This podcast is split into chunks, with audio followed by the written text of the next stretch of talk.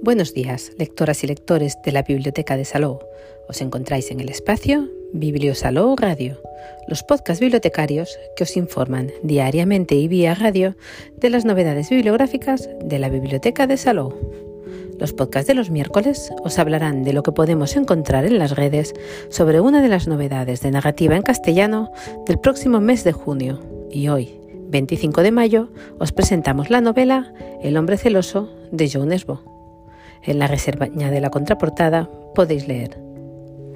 John Nesbo es conocido por sus novelas repletas de emociones fuertes y personajes arrastrados por convicciones subterráneas, por su manera de retratar los rincones más oscuros del alma humana y de subir los escalones del suspense.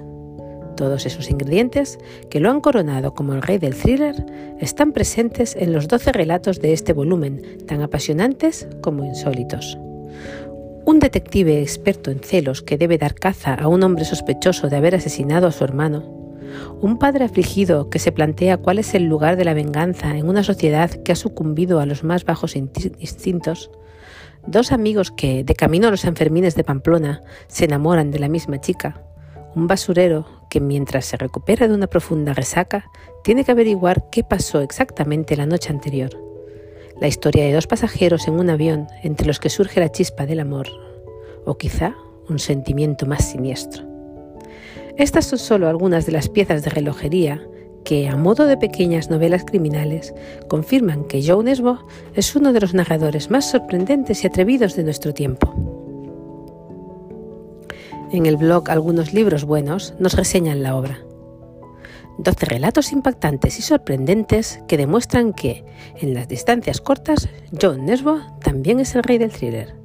Estructurada en dos grandes bloques temáticos, celos y poder, en El hombre celoso, John Nesbo explora la mente retorcida, maquiavélica y manipuladora del individuo. Su infinita capacidad para dañar al prójimo e intentar engañar al mundo de cara a salir impune. Las historias aquí reunidas nos invitan a viajar a diferentes escenarios del planeta, Grecia, Italia, España, África, y juegan con multitud de géneros, desde lo detectivesco al thriller, de la intriga a la ciencia ficción, pero todas están unidas por el análisis de las pulsiones más oscuras del ser humano, aquellas llamadas a consumir su alma y condenarlo con frecuencia a la perdición. La pasión desmedida, los celos destructores, las ansias de venganza, la sed de poder, con todo, Nesbo no deja de mostrarnos también el otro lado de la balanza, el amor por los hijos, la pareja, los amigos, los actos altruistas y los gestos compasivos, la necesidad de hacer justicia y de redimirse. El autor noruego traslada el formato corto, si bien, dada su extensión, algunas piezas pueden calificarse de nouvelles, su demostrado talento para generar tensión, plantear situaciones inquietantes, bucear en la psicología de los personajes, componer electrizantes pasajes de acción y violencia, introducir comentarios irónicos, graduar la dosificación de la información, construir una estructura milimétrica que acostumbra a saltar entre pasado y presente. Pero en esta ocasión parece deleitarse especialmente en la ejecución de giros chocantes en trabajar el efecto sorpresa. Varias de las piezas aquí reunidas nos remiten a los cuentos macabros de Edgar Allan Poe o Roald Dahl. Los seguidores del escritor descubrirán nuevas facetas, como su talento para jugar con elementos fantásticos, los universos paralelos o tecnología capaz de borrar recuerdos, por ejemplo, o dibujar escenarios apocalípticos, dignos de la filmografía de John Carpenter, al tiempo que la actualidad se cuela en la isla de las ratas, con una pandemia devastadora y en la pieza OT se aborda, con humor autorreferencial, las miserias de los superventas literarios. El libro, de 544 páginas, ha sido editado en castellano por Reservoir Box. ¿Y qué sabemos del autor? Joe Nesbo nació en Oslo en 1960. Graduado en economía, antes de dar el salto a la literatura, fue futbolista, cantante, compositor y agente de bolsa. Desde que en 1997 publicó El murciélago, la primera novela de la serie protagonizada por el policía Harry Hole, ha sido aclamado como el mejor autor de novela policíaca de Noruega y como un referente de la última gran jornada de autores del género negro escandinavo. En la actualidad cuenta con más de 50 millones de ejemplares vendidos internacionalmente. Sus novelas se han traducido a 50 idiomas y los derechos se han vendido a los mejores productores de cine y televisión. Además, Nesbo es cantante del grupo de rock Dider, formado en 1992 con siete discos en su haber y que en 1996 resultó ganador del premio Gramlen. Algunas de sus novelas han sido adaptadas al cine, como es el caso de Headhunters y El Muñeco de Nieve. Nesbo también ha publicado novelas infantiles en las que narra las aventuras del divertido y nada convencional Dr. Proctor. Como siempre, en la biblioteca encontraréis muchas de las anteriores obras del autor. Ya está aquí el podcast de hoy, pero tenemos más novedades de narrativa en castellano que iremos descubriendo cada miércoles a las 11. Que tengáis muy buen día y muy buenas lecturas que os acompañen en el día a día.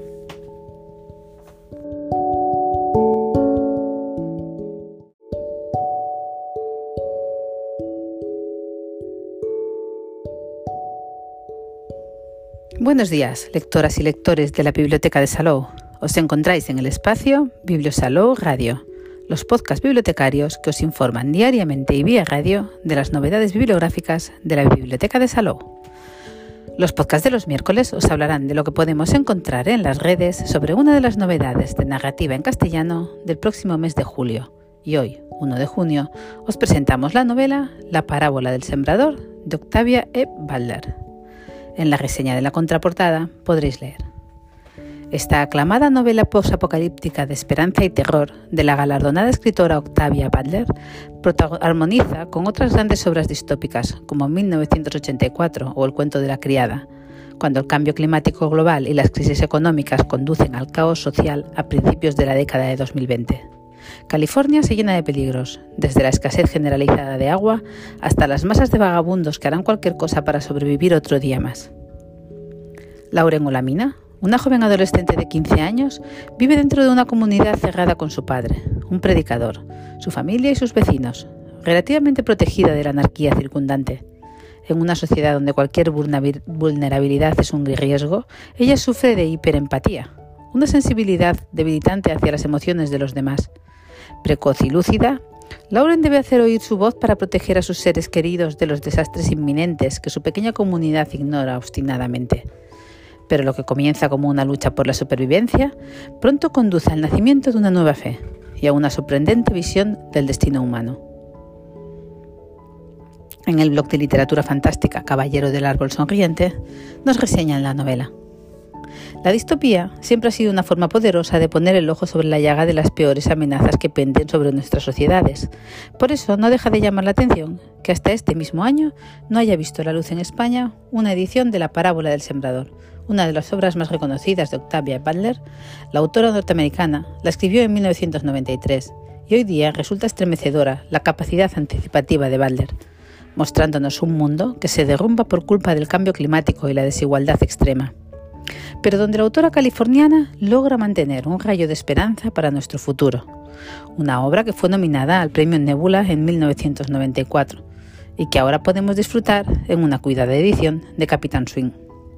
La parábola del sembrador nos traslada al año 2024, a una pequeña localidad situada en las cercanías de Los Ángeles, en un mundo post-apocalíptico que puede que no difiera en exceso de nuestra realidad diaria. Y es que esta sociedad está puesta en jaque por el brutal cambio climático, donde la sequía recurrente ha causado que el agua cueste más que la gasolina y donde gigantescos incendios arrasan con barrios y ciudades sin descanso. Todas las personas tienen que ir armadas cuando salen de sus barrios amurallados si quieren protegerse de los indigentes, convertidos en peligrosos asaltantes, tan desesperados como crueles un mundo de desigualdad extrema, donde la violencia, la pobreza y las drogas son el combustible que alimenta las ansias de venganza de los saqueadores, pirómanos y asesinos. En cualquier caso, la protagonista de la historia es la joven Lauren Olamina, que a través de las entradas de su diario personal nos irá narrando su difícil vida en medio de una situación cada vez más desesperada. No solo tiene que luchar por sobrevivir en un mundo de recursos cada vez más escasos y tratar de encontrar algo de esperanza en la terrible realidad que la rodea, sino que además tiene que hacer frente a su síndrome de hiperempatía, una rara dolencia que le hace sentir en sus propias carnes lo que los demás sufren o padecen. Con una narración en primera persona, tan directa como efectiva, Balder construye un relato donde la dura realidad nos golpea sin piedad. La autora no aparta la mirada a la hora de narrarnos la violencia extrema, la brutal desigualdad económica que ha dejado a toda una generación sin perspectivas de futuro o las consecuencias de un clima agresivo. Todo esto nos lo narra desde los pequeños barrios amurallados de las clases medias, auténticos oasis o microcosmos de supervivencia. La obra nos mete de lleno en una especie de desagradable y oscura Edad Media en pleno siglo XXI, con una sociedad donde los ricos son cada vez más ricos, donde la clase media se esfuma, convirtiéndose en la mano de obra barata, virtuales esclavos que trabajan por alimento y alojamiento de las grandes corporaciones empresariales que están sustituyendo poco a poco a los estados. A lo largo de la primera parte de la novela, Lauren trata de convencer a los que la rodean que su estilo de vida no está destinado a perdurar y que deben prepararse para lo peor. Pero castigada por el inevitable síndrome de Cassandra, nadie hará caso a sus advertencias. El mermado grupo de protagonistas intentan escapar de la desesperación y la muerte rumbo al norte, mostrándonos así la terrible realidad de los vagabundos e indigentes que pueblan, las, que pueblan las carreteras. Un éxodo que se trufa de miedos, amenazas y violencias, pero que también abrirá la puerta a un cambio de mentalidad y actitud entre los personajes. Y es que hay que señalar un elemento muy importante, tanto de la obra como de la propuesta de Balder, y es que la oscura y terrible realidad que nos narra no logra empañar su visión optimista y esperanzadora hacia la humanidad. La obra carga también con un importante matiz religioso y filosófico, donde la protagonista trata de encontrar un Dios que se adecue a su forma de percibir la realidad que la rodea. Así, acaba dando forma a una deidad que asimila con el cambio y donde las personas lo único que pueden hacer es adaptarse continuamente a esa mutabilidad. Esto se entrelazará con una especie de culto a la idea o concepto de la semilla terrestre, que se irá desarrollando a lo largo de la novela, y que se acaba resumiendo en la frase tan sencilla como clarificadora de las esperanzas de Balder. El destino de la semilla terrestre es enraizar entre las estrellas. Es de esperar que la búsqueda de un futuro para la humanidad fuera de nuestro planeta será uno de los temas que se desarrolle en la continuación de la obra, y es que la parábola del sembrador cuenta con una secuela, la parábola de los talentos, publicada en 1998 y editada en castellano por Capitán Swing. ¿Y qué sabemos de la autora? La gran dama de la ciencia ficción recibió su título de profesora asociada en artes en 1968 en el Pasadena Community College y asistió a la Universidad de California en Los Ángeles.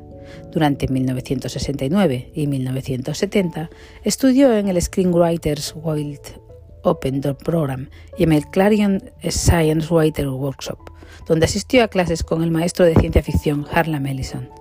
Su primera historia, Crossover, fue publicada en la antología Clarion de 1971.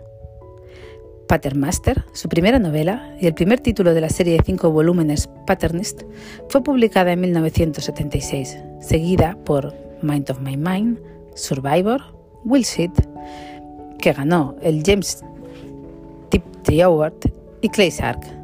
Con la publicación de Parentesco en 1979, Butler logró mantenerse como escritora a tiempo completo. Ganó el premio Hugo en 1984 por su cuento Speed Sounds y en 1985 su novela Hijo de Sangre ganó un premio Hugo, un premio Nebula, el premio Locus y el premio a la mejor novela de Science Fiction Chronicle. Es también autora de otras series como la trilogía Xenogénesis, así como de una colección de cuentos cortos, Hijos de Sangre y otras historias, la parábola del sembrador, la primera parte de su serie Parábolas, fue finalista del premio Nebula y también del libro notable del año de New York Times. En 1995 se convirtió en la primera escritora de ciencia ficción que recibió la prestigiosa beca Genius de la Fundación MacArthur. Desafortunadamente, no toda su obra se ha editado en castellano, pero si os apetece leer otros libros de la autora mientras esperáis las novedades de julio, en la biblioteca os ayudaremos a encontrarlos, ya sea en castellano o en inglés. Y hasta aquí el podcast de hoy, pero tenemos más novedades de narrativa en castellano que iremos descubriendo cada miércoles a las 11. Que tengáis muy buen día y muy buenas lecturas que os acompañen en el día a día.